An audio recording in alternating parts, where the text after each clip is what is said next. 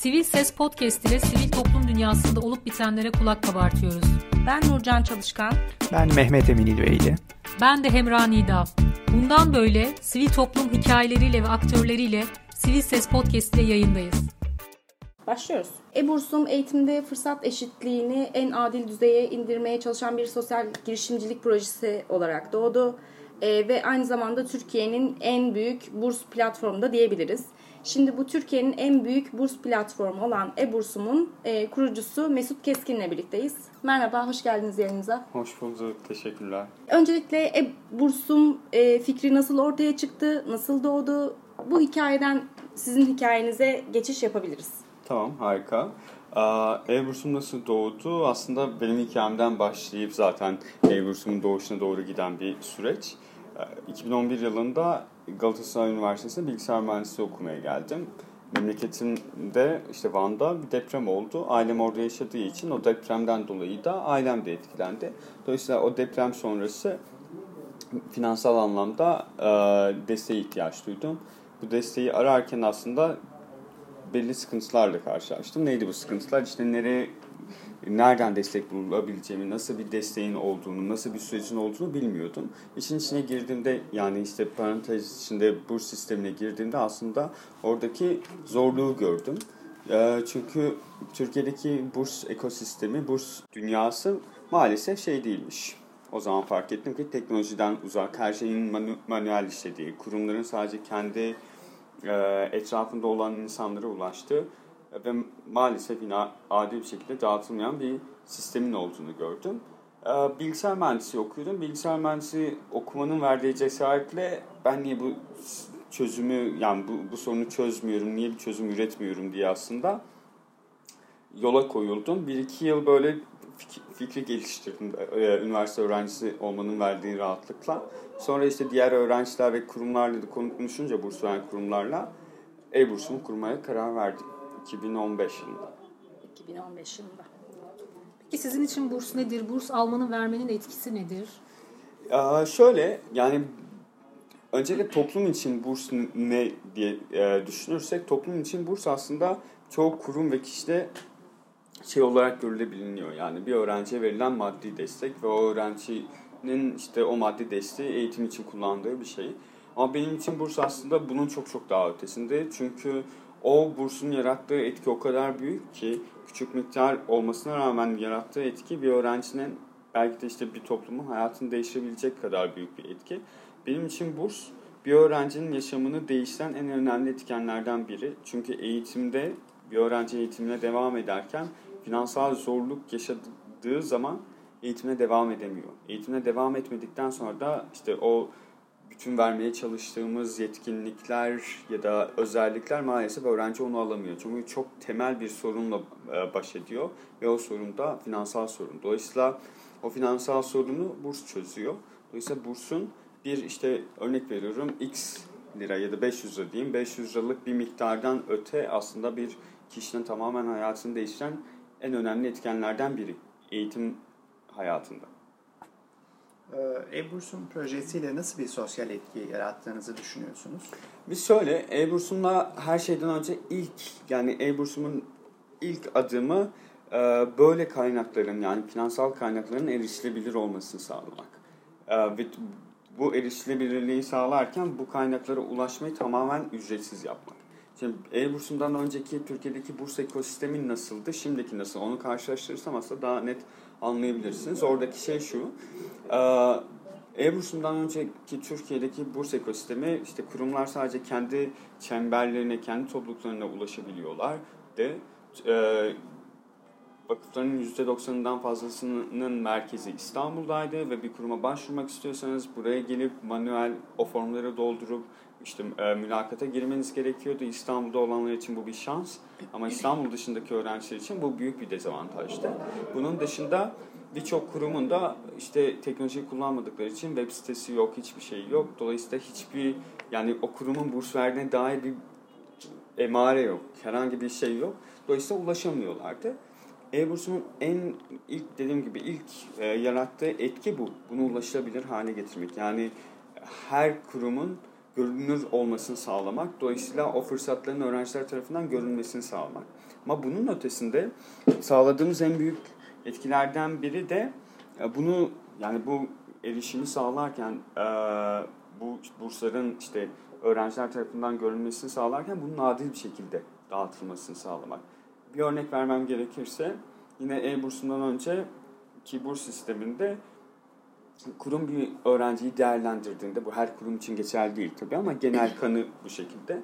Öğrenciyi değerlendirdiğinde genelde bir işte mülakat şeyi oluyor, grubu oluyor ve o mülakat grubunun objektif olmayan, tamamen o günkü moduna bağlı, o günkü kişinin durumuna bağlı. Yani tamamen modlar üzerinden o kişinin hal durumuna göre değerlendirmeler yapılıyordu. Ve kişinin burs alıp almayacağı aslında tamamen o gün şansı yaver giderse burs alınmıyordu. Yaver gitmiyorsa burs alınmıyordu. Bunun dışında da doğrulanmayan e, bilgilerle ya da yalan yanlış bilgilerle işleyen bir süreç vardı. Dediğim gibi bu e, tüm kurumlar için bunu söylemiyorum ama çok fazla örnek vardı bu şekilde. Şimdi bel, kişinin verdiği bilgiyi ve belgeyi doğrulayamadığınız sürece o beyanı aldığınızda aslında o kişi ne kadar yanlış bilgi ya da sizin için ne kadar uygun bilgi verirse onu doğrulayamadığınız için onu seçiyordunuz. Ama bizim sistemde biz ne yapıyoruz? Tüm bu sürecin daha adil olması için teknolojiyi kullanıyoruz. Yani baştan sona algoritmalar yani kişi geliyor işte bütün ihtiyacını yani formlardan oluşuyor. Forma cevaplar veriyor. O formun sonucunda bir puan alıyor. O puana göre sıralanıyor. Kişinin verdiği, verdiği bilgi ve belgeler doğrulanıyor. Nasıl doğrulanıyor? Onun, onun da örneğini vereyim. E-Burs'un te, TC kimlik numarasıyla çalışan bir sistem. Dolayısıyla kişinin olup olmadığını zaten ilk aşamada kayıt olurken doğruluyoruz. Bunun dışında geliştirdiğimiz yapay zeka destekli bir belge doğrulama sistemi var. Ne demek bu? Kişi geliyor. Ya annem 5000 lira kazanıyor diyor. Biz gerçekten belge istiyoruz ve sistem o belgede bir değişiklik var mı? İşte belgede bir e, örnek veriyorum araç kullanılarak değişiklik yapılmış mı, belge geçerli mi, eski bir belge mi?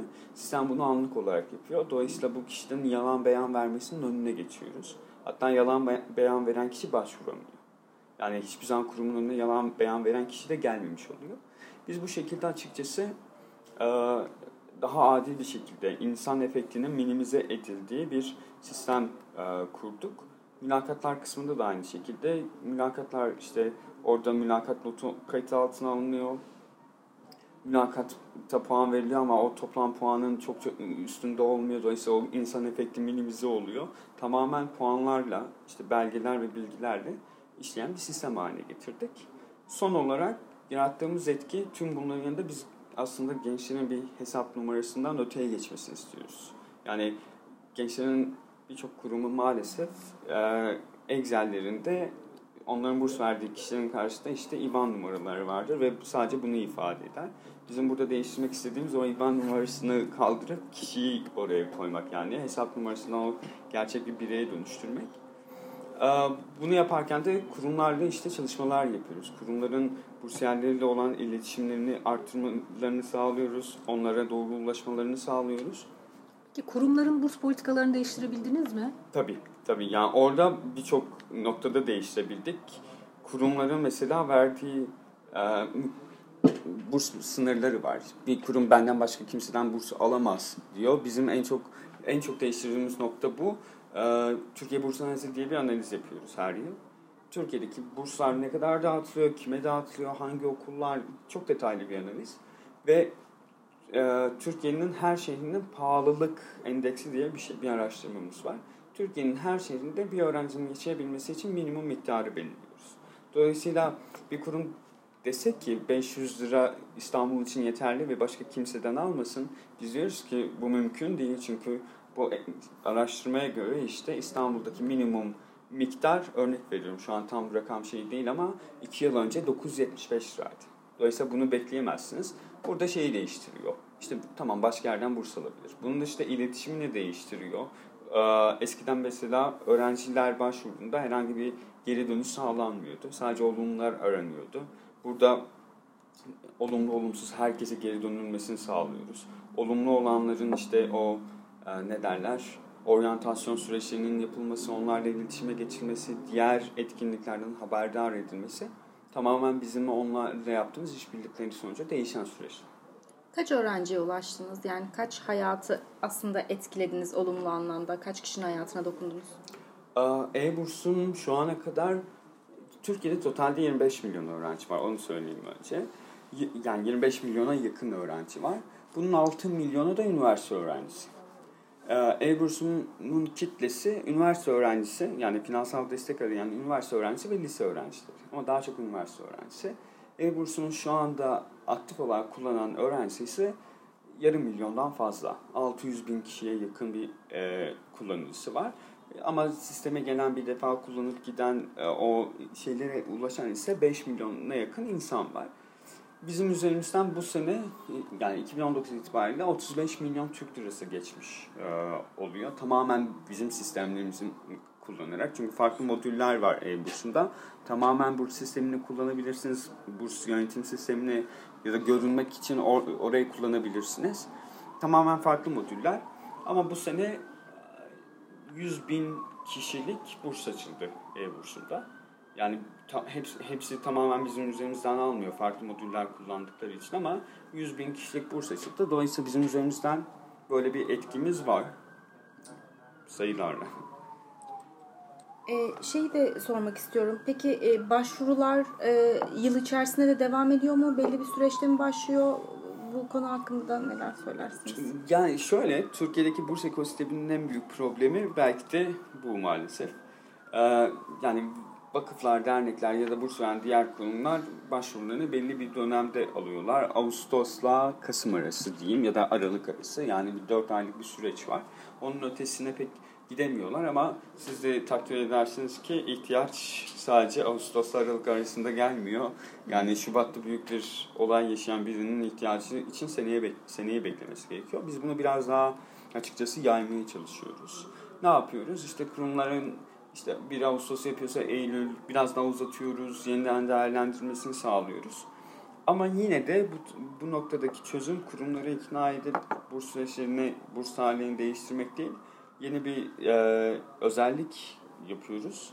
Aslında onu yap, e, yayınlayacağız yeni yılda. Onu söylemiş olayım. Şöyle. İlk buradan duymuş aynen, oluyoruz. Aynen. Bu, yani geçen hafta böyle analizini tamamladık. Yeni yıla açacağımıza karar verdiğimiz bir şey. E, şöyle şimdi dediğim gibi 600 bin'e yakın insan neye bursunu kullanıyor ve biz herkese tabii ki burs veremeyiz. Çünkü öyle bir pasta yok. Yani öyle o kadar kurum olsa bile herkes alamaz. Ee, dolayısıyla biz aslında bu problemi biraz çözmeye çalışıyoruz. Nasıl çözmeye çalışıyoruz? Kişi geldi ev bursundan burs bulamadı ya da yeteri derecede burs bulamadı. Ee, yeni yıldan itibaren işte sisteme gelecek, kitlesel fonlama kampanyasını oluşturacak ve bireyler üzerinden e, bursunu toplayacak. Yani aslında aslında burs sistemi biraz daha bireyselleştirdiğimiz bir dönem olacak. İşte biz orada e-bursum olarak sponsorlar bulup o kişinin topladığını iki katına, üç katına çıkarabileceğiz. Farklı farklı işbirliklerine gidebileceğiz ama bizim burada yapmaya çalıştığımız şey kişinin ihtiyacı varsa bir sonraki seneyi beklemesin. İhtiyacını o an girsin ve o an toplayabilsin bireylerden ve o insanların bağışçı olma oranlarını yükseltmek istiyoruz. Dolayısıyla böyle bir e, yeni özellik ekleyeceğiz. Kaç kurum var e-bursunda? E-bursunun farklı modüllerini kullanan 60'tan fazla kurum var. Yani dediğim gibi bunlar bazıları sadece görünür olmak istiyor. Bazıları tüm sistemi kullanıyor. Mesela Sabancı Vakfı, Aydın Doğan Vakfı. Bunlar e-bursunun bütün modüllerini kullanan kurumlar. Bunun yanında memleket vakıfları da var işte mezun dernekleri de var. Bu da aslında işte problemin ne kadar ortak olduğunu, büyük vakıf da olsa, küçük vakıf da olsa herkesin dijitalize etmek istediğinin bir göstergesi. Bu da güzel.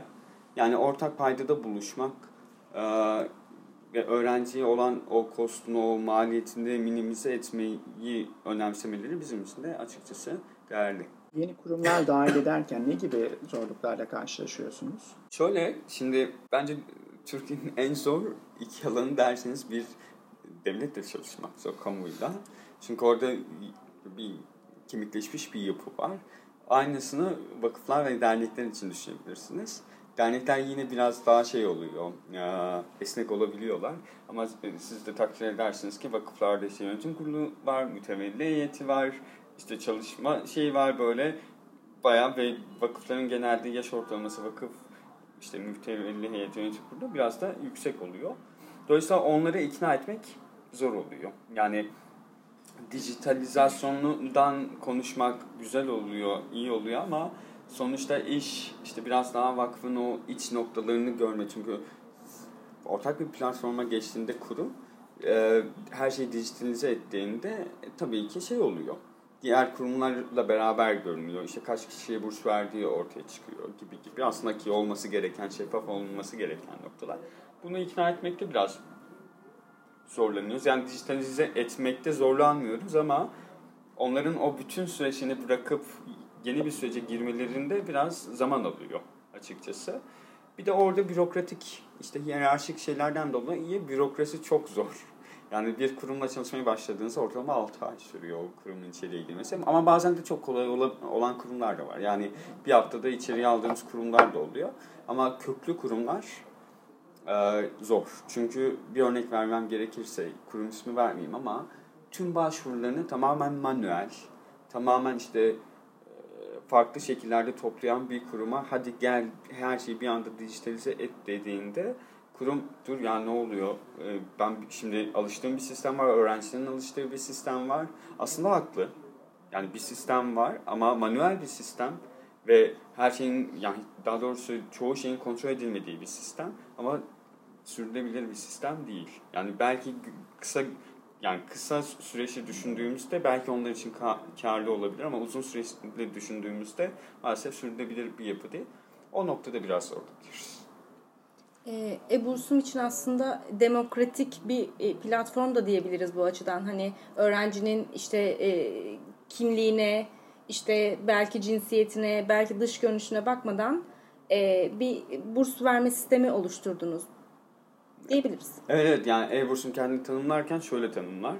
Türkiye'nin en büyük burs platformu olup burs ekosistemi dijitalize ve demok dijitalize eden ve demokratik hale getiren sosyal girişim diye kendimizi tanımlıyoruz. Çünkü bizim oradaki şeyimiz yani dediğiniz gibi orada işte kişinin cinsiyeti, e, görünüşü bilmem ne onların ötesinde gerçekten o kriterler ne kurumun ve o kişi o kriterleri ne kadar uyuyor bunu teknolojiyi kullanarak algoritmik bir şekilde göstermek. Yani bunu objektif hale getirmek ki bu çok kıymetli. Birçok kurumun bize sistemi kullandıktan sonra geri dönüşleri şey oluyor.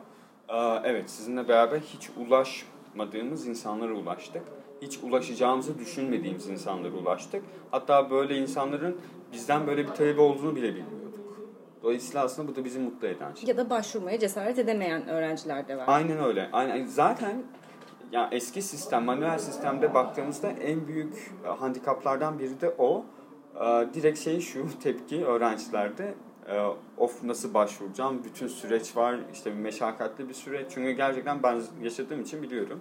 Bir kuruma başvurmak için ortalama 10 belge topluyorsunuz. Her belgeyi kendi kurumdan almanız gerekiyor. SGK'ya gidiyorsunuz, işte belge topluyorsunuz, oraya gidip belge topluyorsunuz ve kurum size cevap bile vermeyebiliyor. Dolayısıyla aslında belki de boşa kürek çekiyorsunuz.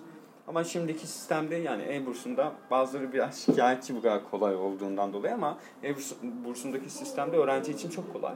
Bir defa belgelerini yüklüyor, bilgilerine giriyor. Ondan sonra istediği kadar bursa başvuru yapabiliyor. Yani bir bursa başvurusu, en uzun bursa başvurusu 20 dakika sürüyor. Süpermiş gerçekten. yani. Öğrencilere ne gibi tavsiyeleriniz olur burada? Bizim aslında e-bursunda yani tavsiyeden önce şunu belirtmek isterim. Biz öğrenciye sadece sistem sağlamıyoruz. Ee, öğrencinin işte kendi geliştirebilecekleri bileceği öğren şey içerikler sağlıyoruz. Bunun dışında işte işbirliklerimiz oluyor. O işbirliklerle beraber eğitimler sağlıyoruz. Örnek vermem gerekirse Visa ile beraber temel finansal okur yazarlık eğitimi veriyoruz. Bu ne demek? Bizim için çok kıymetli bu. Çünkü zaten kısıtlı bir miktar veriyoruz her öğrenciye ve o parayı çok doğru bir şekilde kullanmasını önemsiyoruz. Yani o eğitim hayatında belki sahip olabileceğim tek finansal kaynak bu olabilir. Dolayısıyla neredeyse bütün öğrencilere bunu bu eğitimi aldırtıyoruz. Tamamen online, herkesin ulaşabileceği çok basit bir eğitim ama çok da temel ve kıymetli bir eğitim. İçerikler sağlıyoruz. İşte bazı başka kurumlarla işbirliğine gidip online İngilizce eğitimi falan veriyoruz öğrencilere Hı. tamamen ücretsiz. Yani bizim buradaki şeyimiz öğrencilere gelişmek. Tavsiye anlamında söyle, söylemek gerekirse e, ben her şeyden önce yani biz de gençiz zaten de yeni bizden sonra gelecek gençlerin aslında yılmamasın yani çok şeyler biraz ona üzülüyorum bazen çok böyle e, zorluk gördüklerinde durabiliyorlar. Hepsi değil tabii ki ama yılmamalarını yani bu bir süreç, eğitim bir süreç. Dolayısıyla istediklerini en sonunda alabiliyorlar. Ee, bu onun peşinde koşmaları bu ilk tavsiyem olur. İkinci tavsiyem ise öğrenciler için aslında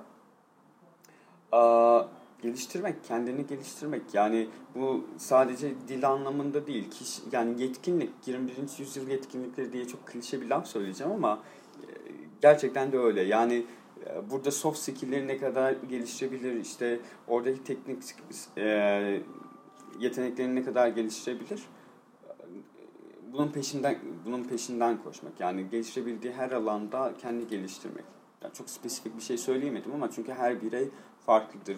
Birinin soft skill'i gerçekten yani soft skill'den kastım e, biraz açmam gerekirse işte e, iletişim e, yeteneği ya da başka kullandığı sunum yeteneği falan herkes için geçerli olmayabiliyor ama herkesin kendi istediği alanda geliş, geliştirmesi için yol bulması aslında. Türkiye'deki ekonomik durum e-bursumu ne kadar etkiledi ya da etkiliyor? Şöyle çok etkiliyor her şeyden önce. Çünkü insanlar para bulamıyor eğitime, eğitimlerine devam edebilmek için. Son 3 yılda Türkiye'de 1 milyon üniversite öğrencisi eğitimlerine son verdiler para bulamadıkları için. Dolayısıyla bu e-bursuma olan talebi çok arttırıyor. Biz e-bursumun ilk yılında 50 bin kullanıcımız varken 3,5 yılın sonuna geldiğimizde yarım milyondan fazla insan e-bursunu kullanıyor tamam süre daha çok insana ulaşmışızdır, daha çok e, görünür olmuşuzdur ama bu talep sürekli artıyor. İşte Eylül ayından işte şu an Kasım'ın ortasındayız. E, 13 milyon defa e, e-bursun bir şekilde kullanılmış. Dolayısıyla bu da talebin her daim olduğunu gösteriyor. Ee, ekonomik durum bizi toplumu etkilediği gibi bizi başka bir yönde de etkiliyor. Ee, kurumlar, özellikle şirketler yani bir vakfı olan şirketler bir kesintiye gittiklerinde maalesef ilkin işte bu vakıf ve derneklerindeki kaynaklara e, kaynaklardan kesintiye gidiyorlar. Bu da vakıf ve derneklerin burs sayılarını düşürmesine neden oluyor. Bunun için biz işte yeni özelliğimizin çok kıymetli olduğuna inanıyoruz. Evet Türkiye'deki burs ekosistemi belki küçülebilir bu ekonomik krizden dolayı e, dolayı ama o bireylerin desteğiyle eskisinden daha iyi bir noktaya gelebileceğine inanıyoruz. Ben bir şey daha sormak istiyorum. Ee, ev bursunda sadece e, bir yıllığına verilen burslar mı var yoksa öğrencilerin e, bir defa başvurduğu zaman öğrenim hayatı boyunca alabildiği burslar da var mı? Çok tamamen değişiyor. Yani her ikisi de var. Bir öğrencinin ilk başta girip 4 yıl, 5 yıl boyunca devam ettiği burs da var. Tek seferlik burs da var.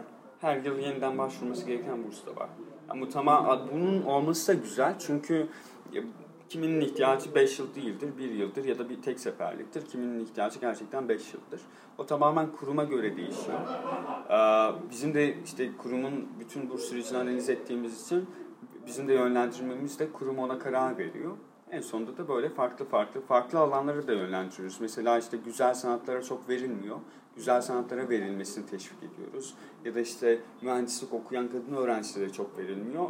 İşte kadın öğrencilere verilmesini sağlıyoruz. Dolayısıyla farklı, ne kadar farklılık bizim için aslında o kadar iyi.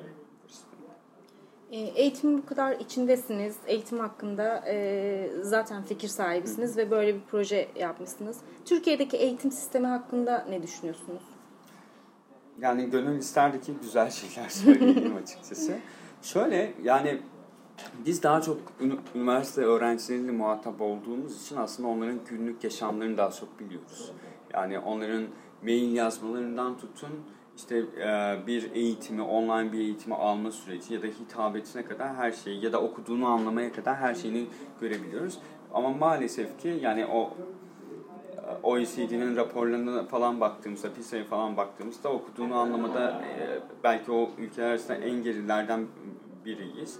Ve üniversite eğitimi düşündüğümüz kadar donanımlı olmuyor ama bu hiçbir zaman üniversite eğitimi yeterli olmayacaktır. Ben okey Türkiye'deki üniversite ya da genel eğitim sistemini e, doğru bulmuyorum, olumlu bulmuyorum.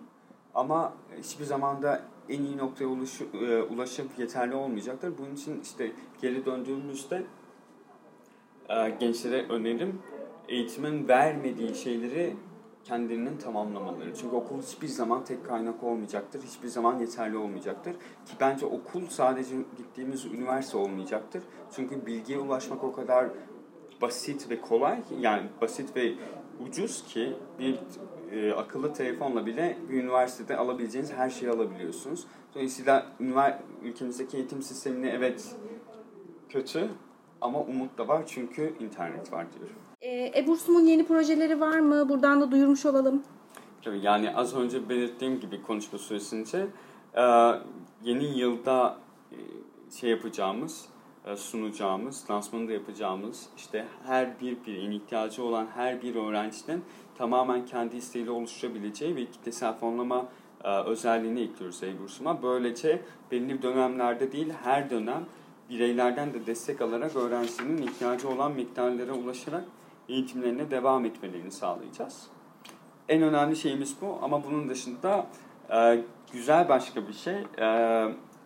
Bunu bu ayrı bir duyurulacak ama şimdiden söyleyeyim. Birçok kurumla işbirliğine gidip aslında e-bursumu bir süreç haline getiriyoruz. Mesela Esas Sosyal'le yaptığımız ilk fırsat programıyla yaptığımız işbirliğiyle e-bursundan burs alan öğrencilerin işte yeni yeni mezun öğrencinin işe yerleştirilmesi yapılacak. Hmm, çok işte birçok kurumla stajlar yapılacak. Dolayısıyla kurum, öğrenci e-bursuma geldiğinde bursunun verilmesi, eğitimine devam edilmesi, staj sonra da işe yerleştirilmesi olayını yap, yapmaya çalışacağız. Sürdürülebilir bir projeye dönüşüyor Aynen. aslında. Yani bir yani bir okul gibi düşünün, bir akademi gibi öğrenciyi elinden tutup mezun olup bir şey yerleştirene kadar kendi süreçlerimizden geçireceğiz. Böyle. Evet, bir e, Sivil Ses Podcast yayının daha sonuna geldik. Bir sonraki yayınımızda görüşmek üzere. Hoşçakalın.